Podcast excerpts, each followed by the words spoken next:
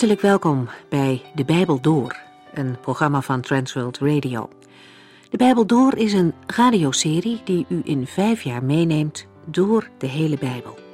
Van Genesis 1 tot Openbaring 22.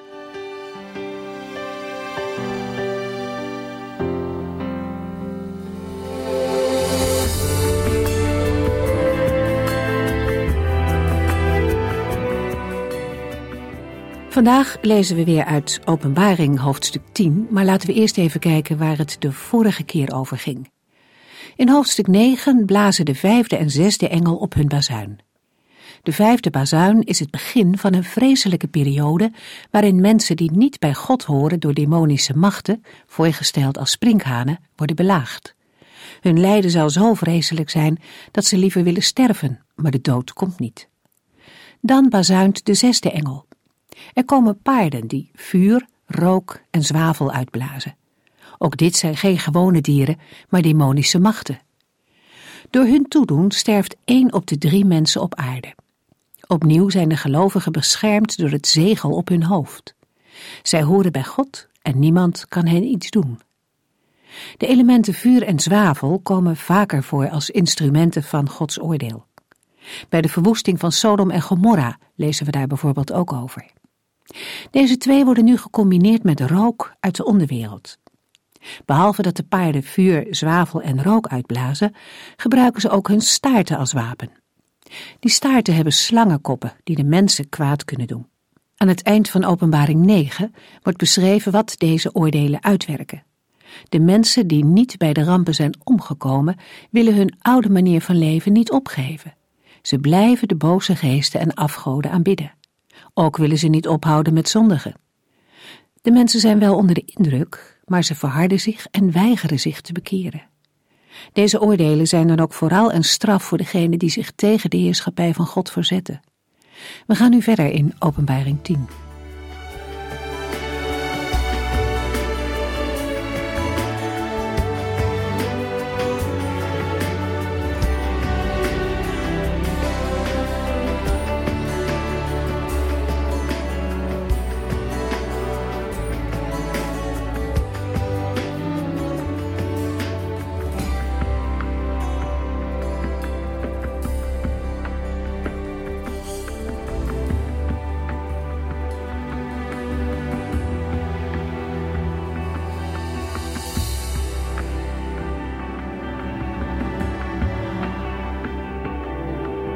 In de vorige uitzending gaven we al aan dat Openbaring 10 en 11 tot en met vers 14 een intermezzo vormen tussen het blazen op de zesde en zevende bazuin.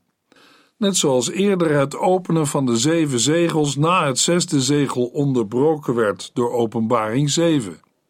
Tussen de zesde en zevende bazuin hebben we een intermezzo waarin drie persoonlijkheden worden geïntroduceerd.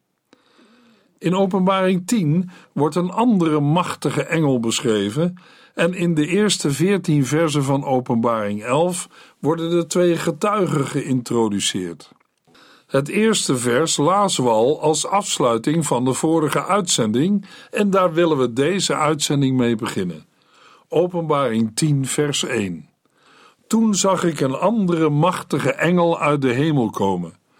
Hij was gehuld in een wolk en had een regenboog rondom zijn hoofd. De woorden ik zag een andere machtige of sterke engel roepen herinneringen op aan Openbaring 5 vers 2, waar hetzelfde staat, met uitzondering van het woord andere. Johannes noemt geen naam van de engel, maar hij werd in de Joodse traditie Gabriel genoemd anders dan van vorige engelen, waarover we lazen in Openbaring 7, vers 2 en Openbaring 8, vers 3, wordt het uiterlijk van deze engel beschreven. Er worden vier aspecten genoemd, die alle vier aan de beschrijving van de Heer Jezus in Openbaring 1 herinneren. Veel Bijbeluitleggers denken daarom dat deze andere machtige engel de Heer Jezus zelf is of anders de engel van de Heer uit het Oude Testament, die volgens vele uitleggers een verschijningsvorm van de Heer Jezus is. Maar wanneer Johannes werkelijk van mening was dat de genoemde engel Jezus Christus is, Zou hij dat dan niet hebben gezegd? Bovendien wordt de engel niet aanbeden. We hebben dan ook te maken met een belangrijke engel, die gelet op de bijzondere beschrijving blijkbaar een belangrijke opdracht zal gaan uitvoeren. Vanwege de unieke rol van deze engel en de koninklijke wijze waarop hij wordt beschreven, is het goed mogelijk dat deze engel dezelfde is als degene die in Openbaring 1, vers 1 en Openbaring 22, vers 16 wordt genoemd. De wolk en de regenboog wijzen op de hemelse heerlijkheid van de engel. De regenboog is tegelijk een teken van de trouw en de genade van God. Openbaring 10, vers 2. Zijn gezicht straalde als de zon en zijn benen leken op zuilen van vuur. In zijn hand hield hij een open boek. Hij zette zijn rechtervoet op de zee en zijn linkervoet op het land. Dat het gezicht van de engel als de zon straalt, betekent eveneens dat het schittert van hemelse kracht en majesteit. Blijkens de vergelijking met zuilen duiden de woorden rechter en linkervoet het hele been aan, inclusief de voet. Deze twee vurige zuilen kunnen herinneren aan de vuurkolom die het volk Israël op de woestijnreis beschermde en die meewerkte aan de dood van hun vijanden. Een belangrijke vraag bij vers 2 is of het open boek dat de engel vasthoudt hetzelfde is als dat in Openbaring 5. Dat dit zo is, wordt gesuggereerd door de parallellen tussen de hoofdstukken 5 en 10. In Openbaring 10 komt het woord boek dat in Openbaring 5 wordt gebruikt afwisselend voor. Ook dit kan erop wijzen dat het open boek identiek is aan de verzegelde boekrol die in Openbaring 5 door het lam werd aangenomen uit de hand van de Here. De verzegelde boekrol is geopend tussen het verbreken van het zevende zegel en het blazen van de zesde bazuin. Maar als we de nadruk leggen op het feit dat het woord boek in de Griekse tekst van Openbaring 10, vers 2 geen lidwoord bij zich heeft, betekent dit dat dit voorwerp nog niet eerder werd genoemd en gaat het in dit hoofdstuk om een andere boekrol dan in Openbaring 5. In ieder geval bevat deze rol, het open boek, een profetische boodschap die Johannes moet doorgeven. Het boek is open en zal de inhoud onmiddellijk bekend worden gemaakt. Maar daarover meer bij de bespreking van de versen 8 tot en met 11. Als het gaat om de concrete inhoud van het open boek, de profetische boodschap, kunnen we denken aan een gedeelte van het Bijbelboek Openbaring. Openbaring 10, vers 11, dat spreekt over profeteren over vele volken, naties, taalgroepen en koningen, wijst in de richting van Openbaring 13, 17 en 19 en mogelijk op het geheel van de hoofdstukken 11 tot en met 20. Terwijl het eerste deel van vers 2 nog bij de beschrijving van de engel in vers 1 hoort, spreekt het tweede deel over zijn optreden. Over zijn optreden wordt meer verteld in de versen 3 tot en met 7. De positie die de engel inneemt, zijn linkervoet op het vasteland en zijn rechtervoet op de zee, impliceert niet alleen dat hij heel groot is, maar ook dat hij gezag heeft ontvangen over de hele aarde. Openbaring 10, vers 3. Hij riep krachtig, zo luid als een brullende leeuw. En toen hij dat deed, lieten de zeven donderslagen hun stem horen. Net als andere belangrijke boodschappers in het Bijbelboek Openbaring, heeft ook deze engel een zeer krachtige stem. Het betekent ook in Openbaring 10 dat de wil van God door de hele wereld moet worden gehoord. De vergelijking met het brullen van een leeuw wordt in het Oude Testament alleen gemaakt voor de stem van God zelf en duidt op de soevereiniteit en de ontzagwekkende kracht van de Here. Het wordt in vers 3 niet duidelijk of de engel verstaanbare klanken voortbrengt en zo ja, of ook Johannes verstaat wat de engel roept. Waarschijnlijk gaat het bij dit krachtig roepen om een bevel aan de zeven donderslagen. Vergelijkbaar met de opdrachten bij de opening van de zegels en bij het uitgieten van de zeven schalen met Gods toorn. In ieder geval reageren de donderslagen op het roepen van de engel. Zij laten op hun beurt ook hun geluid horen. Het geluid van de zeven donderslagen begrijpt Johannes in elk geval wel, want hij wil opschrijven wat hij heeft gehoord. Het geluid van donderslagen bevat in de Bijbel wel vaker een begrijpelijke boodschap van of namens de Heere God. In vers 3 is duidelijk zichtbaar dat het Griekse woord voor geluid, afhankelijk van het verband, ook stem kan betekenen. Johannes plaatst bij de zeven donderslagen het lidwoord. Het duidt aan dat ze bij zijn lezers bekend moeten zijn, omdat er verder geen uitleg wordt gegeven. Voor ons is het een vraag, want wij kennen geen vaste groep van zeven donderslagen uit de Bijbelboeken van het Nieuwe Testament of uit de wereld van Johannes. Het vermoeden van sommige Bijbeluitleggers dat er mogelijk een relatie is met het aantal van zeven hemelen uit de Joodse traditie laat zich niet bewijzen. Wel komt in Psalm 29 zevenmaal de zinsnede de stem van de Heere voor, als aanduiding van de donder. Psalm 29 draagt dan ook de bijnaam Psalm van de zeven donderslagen. De psalm werd in de Joodse traditie verbonden met Exodus 19. In Psalm 29 gaat het over oordelen van God die uitlopen op vrede voor zijn volk. En dat past uitstekend in de context van het Bijbelboek Openbaring. Openbaring 10, vers 4. Ik wilde opschrijven wat de zeven donderslagen hadden gezegd. Maar een stem uit de hemel zei: Houd geheim wat de donderslagen hebben gezegd. Schrijf het niet op. Johannes herhaalt dat hij het geluid van de zeven donderslagen hoorde en suggereert daarmee dat hij ook kon begrijpen wat zij zeiden. Johannes wil de boodschap van de zeven donderslagen dan ook gaan opschrijven. Dat is niet vreemd, want hij moet steeds alles noteren wat hij hoort en ziet. Maar vers 4 maakt duidelijk dat hij deze keer de dingen die hij heeft gehoord niet mag vastleggen. Ook aan Paulus werd verboden bepaalde dingen die hem in een speciale situatie waren geopenbaard, aan andere mensen bekend te maken. In Openbaring 10, vers 4 komt een stem uit de hemel, die Johannes het schrijven verbiedt. De niet aangeduide spreker is ofwel God zelf, of een engel die namens hem het woord neemt.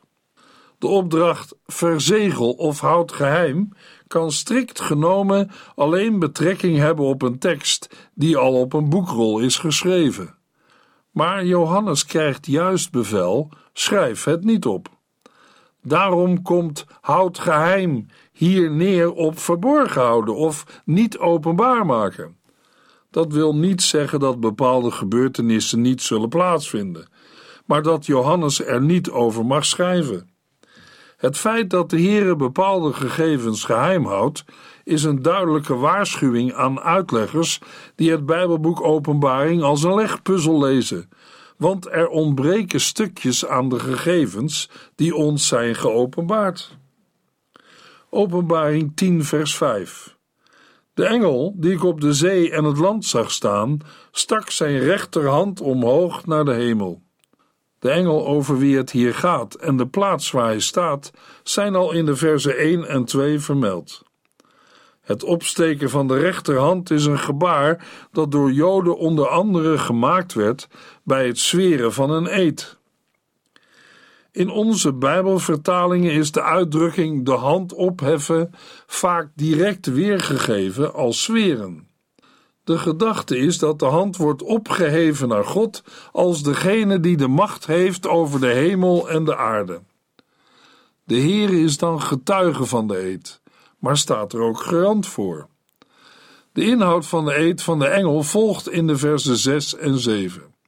Twee Bijbelgedeelten uit het Oude Testament vormen de achtergrond van wat er nu gebeurt, namelijk Deuteronomium 32, vers 32 tot en met 43 en Daniel 12. In Deuteronomium 32 zweert de Heere God dat hij de goddelozen zal oordelen op een wijze die vergelijkbaar is met de plagen die worden aangekondigd in het Bijbelboek Openbaring. Terwijl het in Daniel 12 gaat over de eindtijd met haar oordelen, die wel wordt aangekondigd, maar toch nog wordt uitgesteld. Daarentegen zegt Openbaring 10, vers 11 dat er nu geen uitstel meer zal zijn. Openbaring 10, vers 6 en 7a. Hij zwoer bij hem die altijd en eeuwig leeft, die de hemel, de aarde en de zee met al hun bewoners gemaakt heeft, en zei: Van uitstel is geen sprake meer. De engel zweert bij God de Allerhoogste, degene die deze eed ook zal uitvoeren. Hemel en aarde worden in een eed of verbond soms genoemd als een soort bewakers van de gesproken woorden en soms als stabiele factoren in het menselijk bestaan. In Deuteronomium 4, vers 26 en 27 zegt Mozes tegen de Israëlieten dat als zij zondigen, de Heer hen zal vernietigen. We lezen er: Daarom roep ik nu de hemel en de aarde als getuigen aan, dat u dan in het land zult worden vernietigd. Uw dagen daar zullen dan slechts kort zijn. U zult totaal worden vernietigd. De Heere zal u onder de andere volken verspreiden, en uw aantal zal nog slechts klein zijn. Ook in Deuteronomium 30, vers 19 komen we dezelfde woorden tegen, waar Mozes tegen het volk zegt: Hemel en aarde zijn mijn getuigen, dat ik u vandaag de keus heb gegeven tussen leven en dood, zegen en vloek. Kies dan toch het leven, zodat u en uw kinderen mogen leven. Openbaring 10, vers 6 en 7a. Hij zwoer bij hem die altijd en eeuwig leeft, die de hemel, de aarde en de zee met al hun bewoners gemaakt heeft, en zei: Van uitstel is geen sprake meer. Maar als gevolg van de kosmische rampen in het Bijbelboek Openbaring worden ook deze factoren, de hemel, de aarde en de zee, onbetrouwbaar. En daardoor kan er nu alleen nog zinvol bij God zelf worden gezworen. De uitvoerige omschrijving van de Heere God, waarbij hij overigens niet rechtstreeks wordt genoemd, maakt deze eed heel plechtig. De bedoeling ervan is, zoals de hele wereld vanaf de schepping in Gods machtige handen ligt, zo staat ook datgene wat hij zegt over de toekomst onwankelbaar vast. De Heere wordt aangeduid als degene die eeuwig leeft en als de schepper van de hemel, de aarde en de zee met alles wat erbij hoort. De woorden en hij zei aan het slot van vers 6 leiden de directe reden in die de inhoud van de eed weergeeft. De woorden van de eed die de engel zwoer lezen we in vers 7. Hij zwoer en zei: Van uitstel is geen sprake meer. In de Griekse tekst lezen we voor deze woorden: Er zal geen tijdsverloop meer zijn. Voor het woord tijd lezen we in het Grieks chronos. Maar het woord chronos betekent in vers 7 niet gewoon tijd, maar verlopende tijd of uitstel. Na het in vers 7 genoemde moment zal er geen verder tijdsverloop, geen uitstel meer zijn. Dan zal met andere woorden de Heere definitief ingrijpen in de geschiedenis. Anders dan sommige Bijbelvertalingen suggereren, spreekt de engel geen abstracte spreuk uit over de toekomstige afwezigheid van tijd. Johannes ontvangt een concrete belofte die we mogen opvatten als antwoord op de vraag van de martelaren: hoe lang het oordeel nog zal uitblijven. Het is ook een reactie op het feit dat na de serie van de zeven zegels nu ook de serie van de zeven bazuingerichten is onderbroken. Openbaring 10, vers 7. Van uitstel is geen sprake meer. Als de zevende engel op zijn bazuin blaast, zal God zijn verborgen plan uitvoeren, zoals hij zijn dienaren, de profeten, beloofd had. Vers 7 vormt het vervolg van de eed van de engel die Johannes op de zee en het land zag staan in het vorige vers. De engel zegt dat er geen uitstel meer zal zijn en dat God definitief ingrijpt in de wereldgeschiedenis. In de Griekse tekst lezen we vers 7: Maar in de dagen van de stem van de zevende engel, wanneer hij zal blazen op de bazuin, zal ook worden vervuld de verborgenheid van God, zoals hij als goed nieuws heeft verkondigd aan zijn dienaren de profeten. Het woordje maar versterkt de ontkenning in de woorden van de engel. Het duidt op de tegenstelling van uitstel is geen sprake meer, maar wel van uitvoering van Gods verborgen plan. Het moment waarna er geen uitstel meer zal zijn, wordt omschreven als de zevende engel op zijn bazuin blaast, of in andere Bijbelvertalingen, in de dagen van de stem van de zevende engel, wanneer hij zal blazen op de bazuin. Er staat niet eenvoudigweg wanneer de zevende bazuin klinkt, want dat staat beschreven in Openbaring 11, vers 15 tot en met 19. Maar er staat in de dagen van de stem van de zevende engel. Deze woorden suggereren dat de tijd van het blazen van de zevende bazuin niet gezien moet worden als een eenmalig moment, maar eerder als een periode het woordje zal in de zin wanneer hij zal blazen op de bazuin is hier, anders dan in vers 4, niet gelijk aan op het punt staan, maar is in vers 7 een aanduiding van de toekomst. Het gaat over het toekomstige ogenblik waarop de zevende engel bazuint. Wat er op dat concrete moment gaat gebeuren, wordt omschreven als vervulling of uitvoering van Gods verborgen plan. Het woord verborgen of geheimenis duidt alleen hier in Openbaring 10 op het verborgen heilsplan van God. We lezen het ook in Romeinen 16, vers 25 tot en met 27, waar de apostel Paulus schrijft: God is machtig om u sterk te maken in uw geloof dat is het goede nieuws over Jezus Christus dat ik breng. De waarheid over hem is eeuwenlang verborgen gebleven, maar nu bekendgemaakt. In de boeken van de profeten werd er al over gesproken. Maar nu heeft de eeuwige God opdracht gegeven dat alle volken het moeten horen, opdat zij hem gaan gehoorzamen en vertrouwen. Alleen God is wijs en verstandig. Aan Hem komt alle eer toe door Jezus Christus voor altijd en eeuwig. Amen. En in 1 Corinthiërs 2, vers 7 tot en met 9 schrijft de apostel: Wat wij zeggen is Gods wijsheid, die tot nu toe verborgen is geweest. Voor het begin van de wereld had Hij zijn plan al klaar om ons in de heerlijkheid te brengen. De leiders van deze wereld hebben geen van alle ervan geweten, want anders zouden zij de Heer van de heerlijkheid niet aan het kruis hebben geslagen. Dat staat ook in de boeken.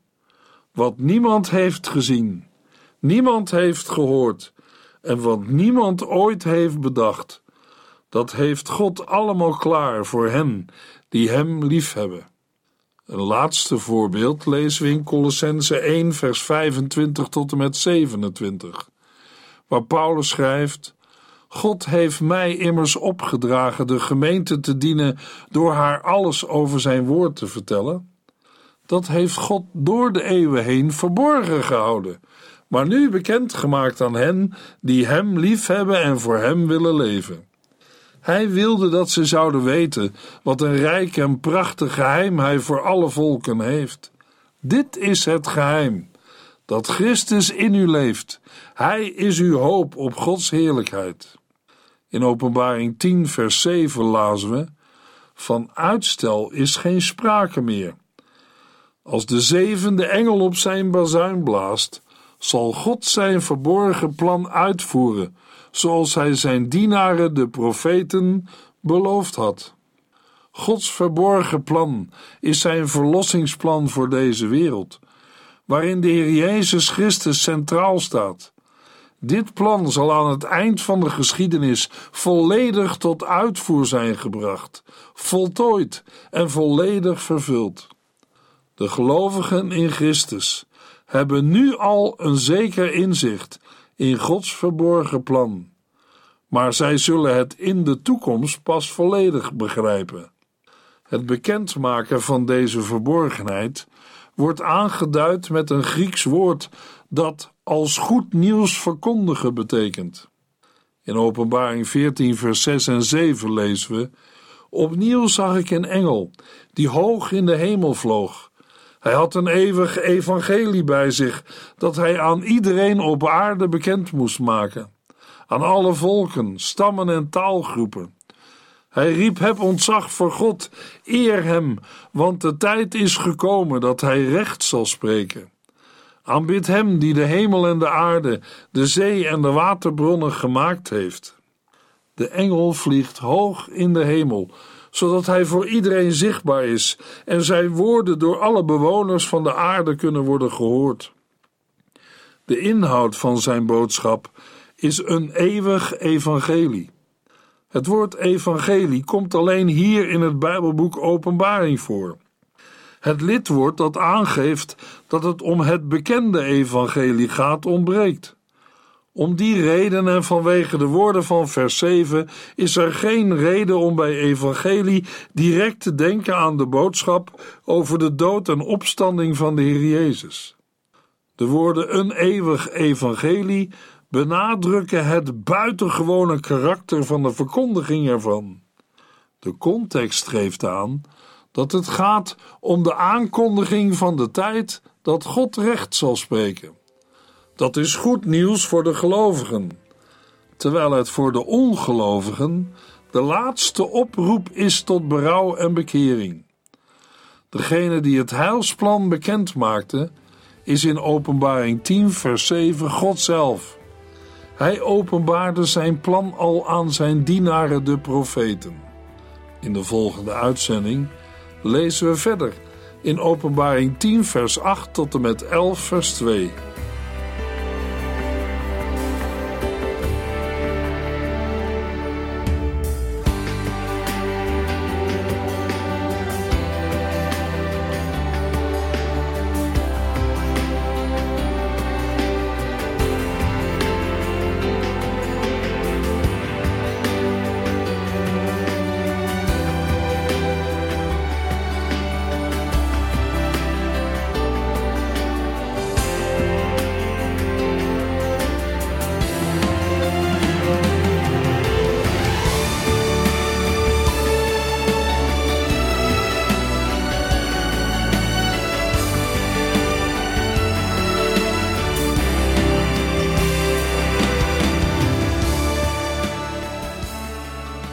Sinds kort kunt u een USB-stick bestellen met alle uitzendingen en de teksten van de Bijbel door. Ons adres volgt in de afkondiging. U heeft geluisterd naar De Bijbel Door. In het Nederlands vertaald en bewerkt door Transworld Radio. Een programma waarin we in vijf jaar tijd de hele Bijbel doorgaan. Als u wilt reageren op deze uitzending of u heeft vragen, dan kunt u contact met ons opnemen. Tijdens kantooruren kunt u bellen op 0342 47 8432.